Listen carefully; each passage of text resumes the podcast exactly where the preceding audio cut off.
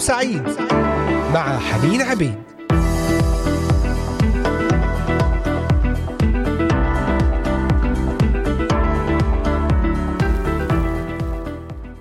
أهلا وسهلا بكل المستمعين والمتابعين الأحباء أينما كنتم استمعتم إلينا وتستمعون إلينا في هذه الأثناء في حلقة جديدة من برنامج نهاركم سعيد عبر إذاعة صوت الأمل.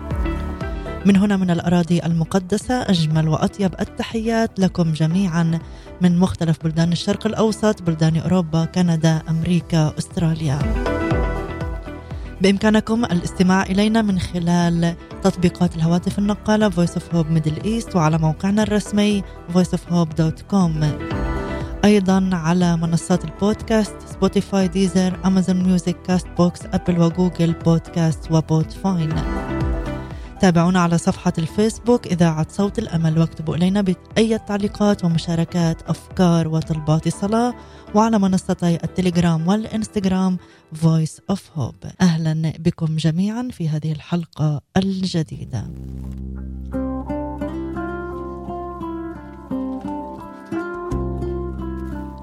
صلاتي أن يكون هذا الوقت فيه كلمة خاصة لك من الرب لحياتك لقلبك لخدمتك. وأيضا نصلي من أجل كل إنسان لديه طلبة خاصة ايا كانت جسدية مادية روحية رب يعرف كل شيء رب يحبك جدا. أنت غال على قلبه أنت صنعه يديه هو يحبك يفكر بك يهتم لأمورك كلها. سلم كل قلق سلم كل تعب وهم أمامه. قل له يا رب أريد أن أستمع كلامك اليوم أريد أن تنير قلبي. وبصيرتي لاستماع كلامك وما تريد أن تحدثني به اليوم. آمين. هل تعلم أن الله يحب بأن تستخدم ما أعطاه لك؟ استخدام ما أعطاه الله لك. قال بولس الرسول في رسالة روميا الأصحاح الثاني عشر الآية الخامسة هكذا نحن الكثيرين جسد واحد في المسيح وأعضاء بعضنا لبعض كل واحد للآخر. وقال أحدهم في حكمة دنماركية ما أنت عليه هو هبة الله لك أما ما تفعله بنفسك فهو هبتك إلى الله. فالله يستحق أفضل ما لديك.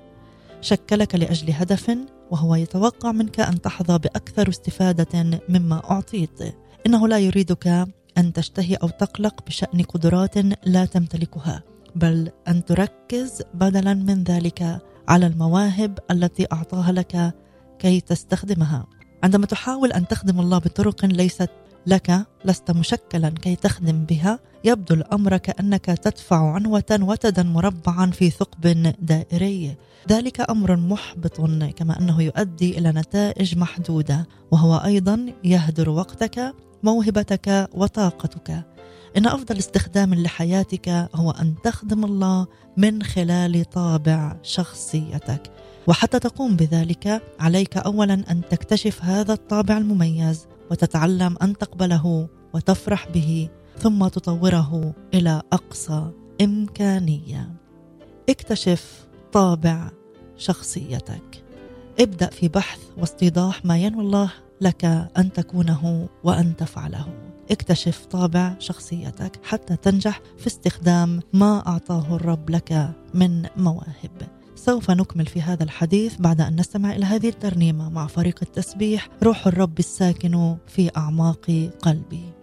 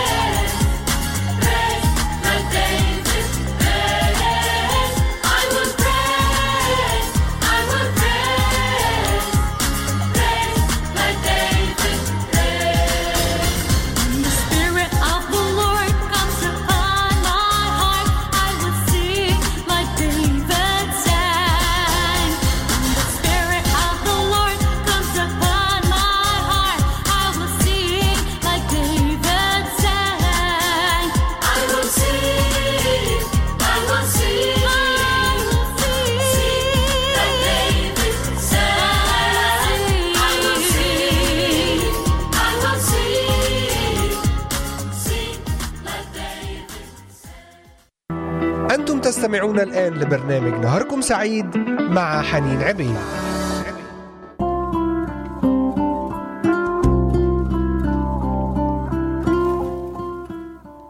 عدنا إليكم أحبائي المستمعين بعد هذه الترنيمة الرائعة مع فريق التسبيح. روح الرب الساكن في أعماق قلبي يجعلني أبتهج. روح الرب أعطاك مواهب قدرات مميزات خاصة لك. فاستخدم ما أعطاه الله لك. في هذه الحلقة نتحدث عن استخدام ما أعطاه الله لك. استخدم طابع شخصيتك. ويجب عليك اولا أن تكتشف هذا الطابع لشخصيتك المميزة حتى تقدر أن تستخدم كل ما أعطاه الله لك في هذه الشخصية لمجد اسمه. أن تخدم الله من خلال طابع شخصيتك. وحتى تقوم بذلك عليك اولا أن تكتشف هذا الطابع المميز وتتعلم أن تقبله وتفرح به ثم تطوره إلى أقصى إمكانية. يقول الكتاب المقدس بل فاهمين ما هي مشيئة الرب. فاهمين ما هي مشيئة الرب. لا تدع يوما آخر يمر. ابدأ في بحث واستيضاح ما ينوي الله لك أن تكونه وأن تفعله. ابدأ بتقييم مواهبك وقدراتك. ألقي نظرة طويلة وصادقة على ما تجيده وما لست تجيده. فقد نصح بولس فإني أقول بالنعمة المعطاة لي لكل من هو بينكم أن لا يرتئي فوق ما ينبغي أن يرتئي بل يرتئي إلى التعقل كما قسم الله لكل واحد مقدارا من الإيمان. في الترجمة الإنجليزية يفيد المعنى. حاول أن تقيم إمكانياتك بطريقة واقعية. اصنع قائمة. اسأل أشخاص آخرين عن آرائهم. أخبرهم أنك تبحث عن الحقيقة وأنك لا تريد مجاملة. إن المواهب الروحية والقدرات الطبيعية دائما تؤكد من خلال الآخرين. فإن كنت تظن أنك موهوب لتكون مدرسا أو مرنما بينما تريد أن تعرف هذا قد لا يوافقك في الرأي شخص آخر ماذا ترى في نفسك عندئذ؟ إن كنت تريد أن تعرف إن كانت لديك موهبة القيادة انظر حولك إن لم يكن هناك من يتبعك فأنت لست قائدا اطرح أسئلة كهذه أين رأيت ثمرا في حياتي؟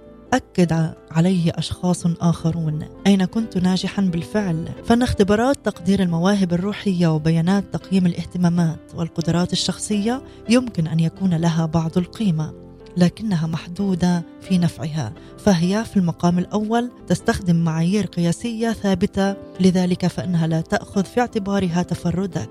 ثانيا لا يوجد تعريفات للمواهب الروحية المذكورة في الكتاب المقدس. لذلك فالتعريفات المتداولة هي تعريفات جزافية وتمثل في العادة تحيزا. والمشكلة الأخرى هي أنه كلما نضجت أكثر فمن المرجح أنك ستظهر خصائص عدد أكبر من المواهب. وربما تخدم أو تعلم أو تعطي بسخاء بدافع من النضوج وليس بسبب موهبتك الروحية.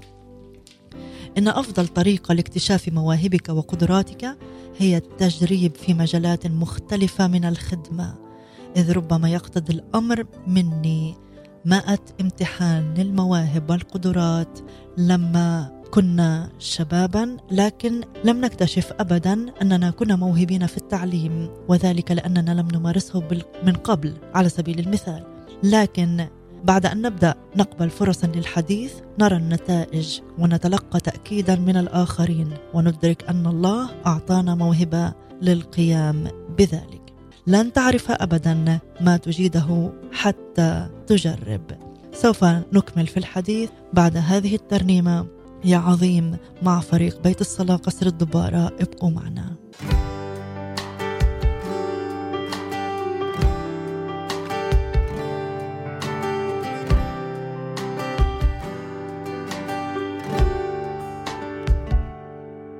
من حبك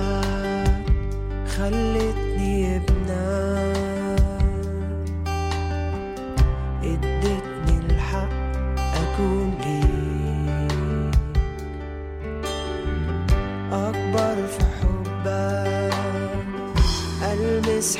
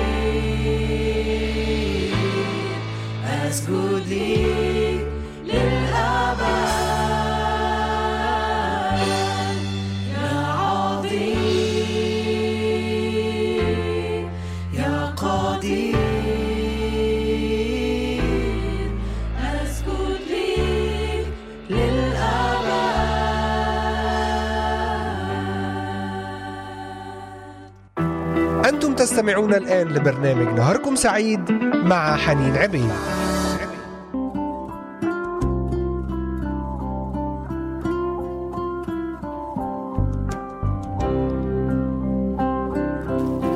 ذكرنا قبل الفاصل إن أفضل طريقة لاكتشاف مواهبك وقدراتك هي التجريب في مجالات مختلفة من الخدمة. إذ ربما يقتضي الأمر ماءه امتحان للمواهب والقدرات لاكتشاف ما هي موهبتنا الحقيقية وما هي الخدمة التي لنا من الرب.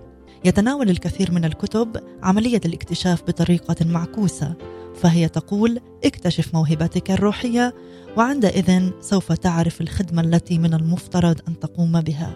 إذ أن الأمر يتم فعليا بالعكس تماما. ابدأ بالخدمة فحسب وتجريب العديد من الخدمات وعندئذ سوف تكتشف مواهبك. فإنك لن تعرف ما الذي تجيده حتى تساهم فعليا في الخدمة. إنك تمتلك عشرات من القدرات والمواهب المخفية ليس لديك علم بها وذلك لأنك لم تجربها ابدا من قبل. لذلك أشجعك أن تجرب القيام ببعض الأشياء التي لم تفعلها من قبل ابدا. بغض النظر عن سنك لا تكف ابدا عن التجريب. لربما قابلنا كثيرا من الناس قد اكتشفوا مواهب مخفية في السبعينات والثمانينات من عمرهم.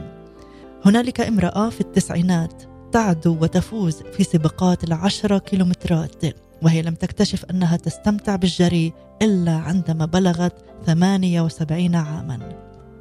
لا تحاول أن تخمن ما هي مواهبك قبل أن تتطوع بالخدمة في مكان ما. عليك فقط أن تبدأ في الخدمة فإنك تكتشف مواهبك عن طريق المشاركة الفعلية في الخدمة.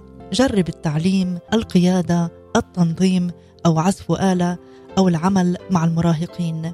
لن تعرف إطلاقا ما تجيده حتى تجرب. وعندما لا ينجح الأمر أطلق على ذلك تجربة وليس فشلا وسوف تتعلم في النهاية ما الذي تجيده. ضع في الاعتبار قلبك وشخصيتك. فقد نصح بولس ولكن ليمتحن كل واحد عمله وحينئذ يكون له الفخر من جهة نفسه فقط لا من جهة غيره.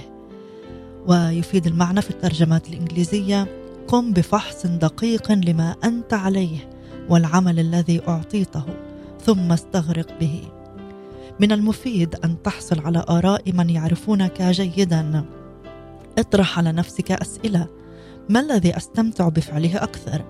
متى أشعر أكثر بأنني أكثر اقبالا على ملء الحياة؟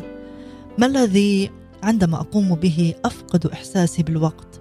هل أحب الروتين أم التنوع؟ هل أفضل الخدمة ضمن فريق أم بمفردي؟ هل أميل إلى الانطوائية أم الانبساطية؟ هل أميل نحو الفكر أم العاطفة؟ ما الذي أستمتع به أكثر التنافس أم التعاون؟ اذا افحص أيضا خبراتك واستخلص الدروس التي تعلمتها. راجع حياتك وفكر كيف أنها شكلتك. أخبر موسى شعب الله واعلموا اليوم أني لست أريد بينكم الذين لم يعرفوا ولم رأوا تأديب الرب إلهكم عظمته ويده الشديدة وذراعه الرفيعة إن الخبرات المنسية لا قيمة لها وذلك يعتبر سببا وجيها لكتابة مذكرات روحية. قلق بولس من أن يضيع مؤمنو غلاطيا فرصا ثمينة لتعليم الكثير من الدروس النافعة مما كابدوه من ألم وعناء. قال متى أظهر المسيح حياتنا فحينئذ تظهرون أنتم أيضا معه في المجد. إننا نادرا ما نرى قصد الله الصالح في الألم والفشل والارتباك أثناء وقوعنا.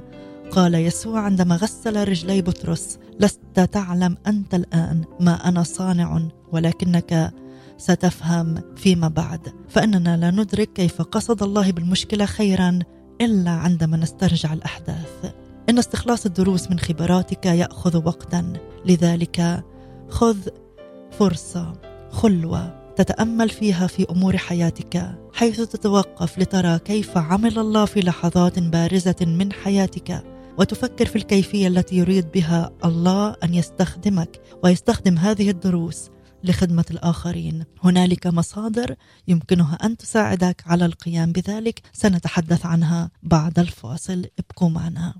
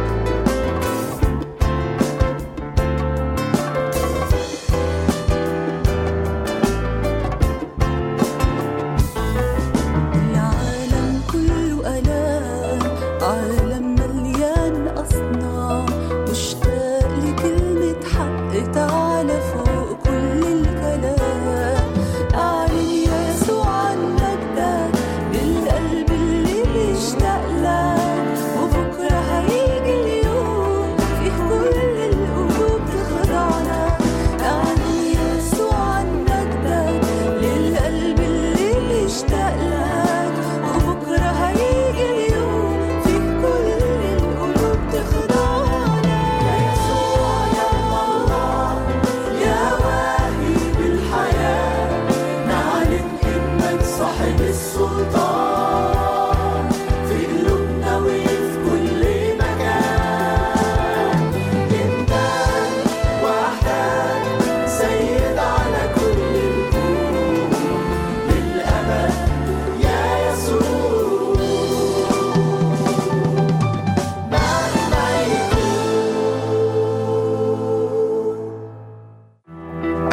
تستمعون الآن لبرنامج نهاركم سعيد مع حنين عبيد.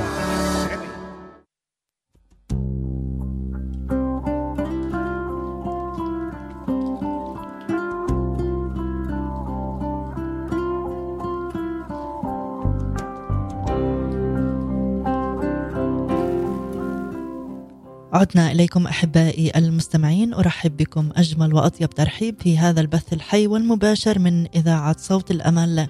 برنامج نهاركم سعيد ومعكم على الهواء مباشرة حنين عبيد. نتحدث اليوم عن استخدام ما أعطاه الله لك. فإن الله يستحق أفضل ما لديك. ما أنت عليه هو هبة الله لك. أما ما تفعله بنفسك فهو هبتك إلى الله.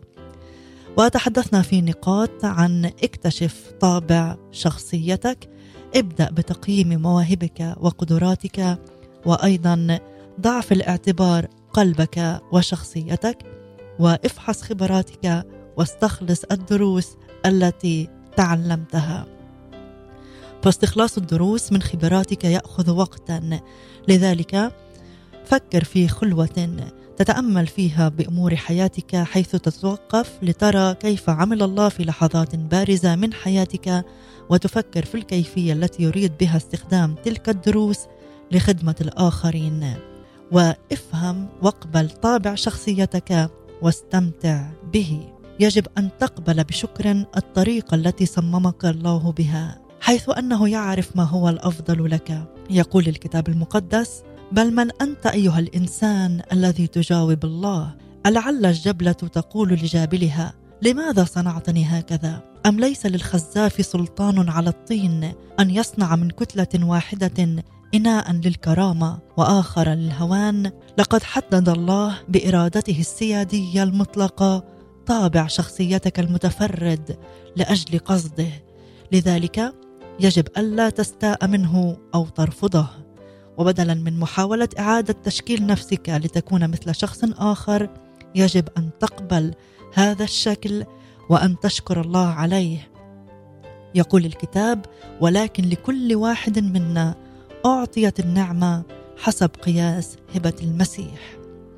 إن الاعتراف بمحدوديتك هو جزء من قبولك لطابعك الشخصي.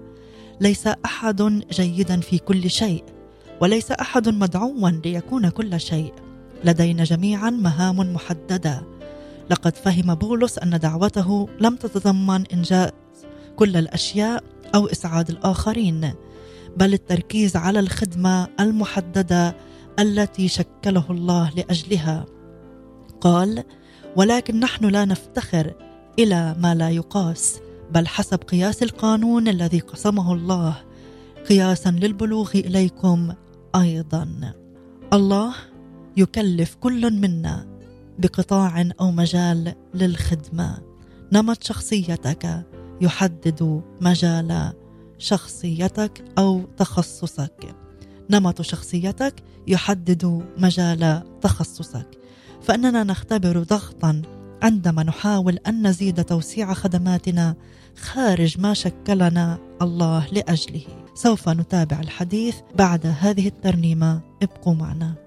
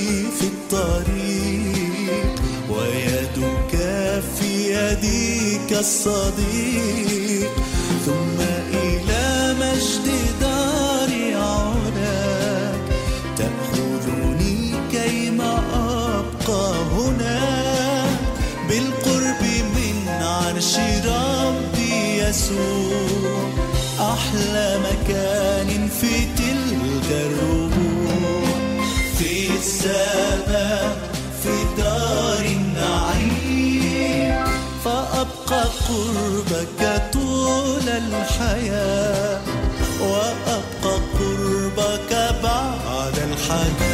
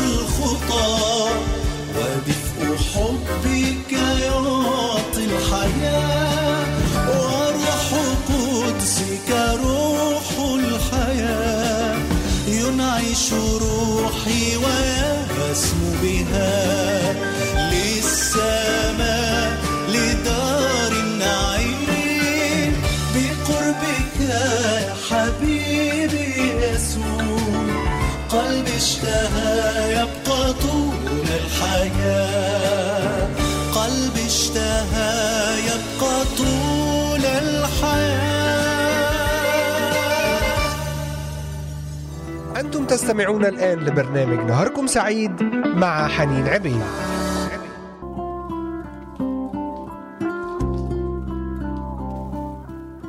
بقربك يا حبيبي يسوع قلبي اشتهى أن أبقى طول الحياة. نعم. أبقى بقربك يا رب. أخدمك كل أيام حياتي بالشخصية بالطابع بالمواهب المتفردة والمميزة التي أعطيتني إياها. في هذه الحلقة نتحدث عن استخدام ما أعطاه الله لك. اقبل طابع شخصيتك واستمتع به. إن الاعتراف بمحدوديتك كما ذكرنا قبل الفاصل هو جزء من قبولك لطابعك الشخصي. ليس أحد جيدا في كل شيء وليس أحد مدعوا ليكون كل شيء. لدينا جميعا مهام محددة. تشير كلمة حدود إلى حقيقة أن الله يكلف كل منا بقطاع أو مجال من الخدمة. إذ أن نمط شخصيتك يحدد مجال تخصصك. فإننا نختبر ضغطا عندما نحاول أن نزيد توسيع خدمتنا خارج ما شكلنا الله لأجله. كما أن كل عداء في السباق يحدد له خط مختلف عن غيره ليجري فيه كذلك يجب علينا نحن شخصيا أن نحاضر بالصبر في الجهاد الموضوع أمامنا. لا تحسد المتسابق الذي يجري بالخط المجاور لك بل ركز فقط على إنهاء سباقك. إن الله يريدك أن تستمتع بطابع الشخصيه المميز الذي أعطاه لك. يقول الكتاب المقدس ولكن ليمتحن كل واحد عمله وحينئذ يكون له الفخر من جهة نفسه فقط لا من جهة غيره. هذا العمل هذه المهمة هذه الخدمة لك أنت شخصيا. وسوف يحاول الشيطان أن يسرق فرح الخدمة منك بطريقتين. سيجربك لتقارن خدمتك بخدمات الآخرين. وسيجربك لكي تساوم في خدمتك بتطويعها لكي ترضي توقعات الناس. هاتان الطريقتان عبارة عن فخين مميتين سوف يصرفانك عن الخدمة بالطرق التي قصدها الله. ما أن تفقد الفرح في خدمتك. ابدأ في التفكير. إن كانت أي من تلك التجارب هي السبب. يحذرنا الكتاب المقدس. ألا نقارن أنفسنا ابدا بالآخرين. كل واحد لديه عمله ويكون له الفخر من جهة نفسه فقط لا من جهة غيره. قم بعملك جيدا وعندئذ سوف يكون لديك ما تفخر به. لكن لا تقارن نفسك مع الآخرين. لا تقارن ابدا طابع شخصيتك أو خدمتك أو نتائج خدمتك بأي شخص آخر وذلك لسببين. اولا بإمكانك دائما إيجاد شخص يبدو أنه يقوم بعمل أفضل منك فتصبح عندئذ مثبط الهمة. أو بإمكانك إيجاد شخص لا يبدو في مثل فعاليتك فتصبح عندئذ ممتلئا بالكبرياء.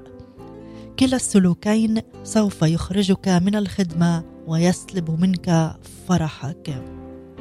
ذكر بولس الرسول أنه من الجهالة أن نقارن أنفسنا بالآخرين حيث قال لأننا لا نجترئ أن نعد أنفسنا بين قوم من الذين يمدحون أنفسهم وأن لا نقابل أنفسنا بهم بل هم إذ يقيسون أنفسهم على أنفسهم ويقابلون أنفسهم بأنفسهم لا يفهمون.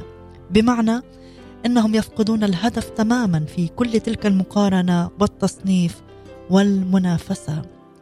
سوف تجد أن الأشخاص الذين لا يفهمون طابعك المميز للخدمة ينتقدونك ويحاولون أن يطوعوك لكي تعمل حتما وفق ما يفتكرون.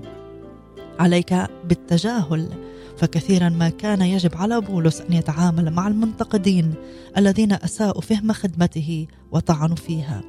وكان رد فعله دائما واحدا تجنب المقارنات قاوم المبالغات واطلب فقط مديح الله وقول الله على خدمتك.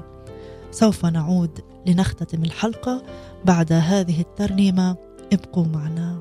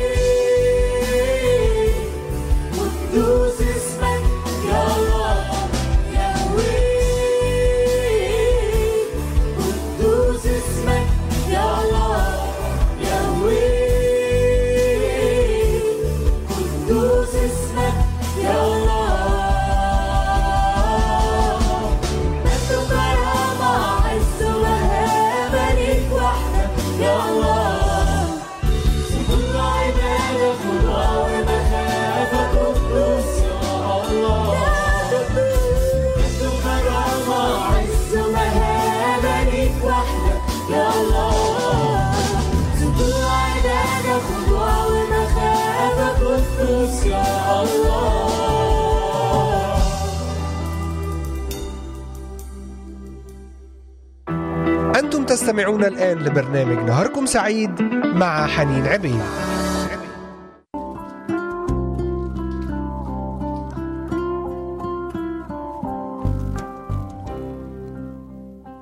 عدنا إليكم أحبائي المستمعين وتحدثنا في هذه الحلقة عن استخدم ما أعطاه الله لك. افهم واقبل طابع شخصيتك واستمتع به. وذكرنا قبل الفاصل نقطة سوف تجد أن الأشخاص الذين لا يفهمون طابعك المميز للخدمة ينتقدونك ويحاولون أن يطوعوك لكي تعمل حتما وفق ما يفتكرون. علينا بالتجاهل فكثيرا ما كان يجب على بولس أن يتعامل مع المنتقدين الذين أساءوا فهم خدمته وطعنوا بها. وكان رد فعله دائما واحدا تجنب المقارنات قاوم المبالغات واطلب فقط تأييد الله. إن أحد الأسباب التي جعلت الله يستخدم بولس بطريقة عظيمة هي أنه كان يرفض أن يشتت عن طريق النقد أو مقارنة خدمته مع الآخرين أو الانجذاب إلى مباحثات غير مثمرة بخصوص خدمته.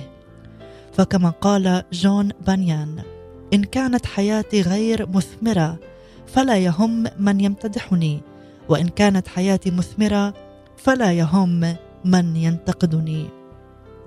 لذلك استمر في تطوير شخصيتك.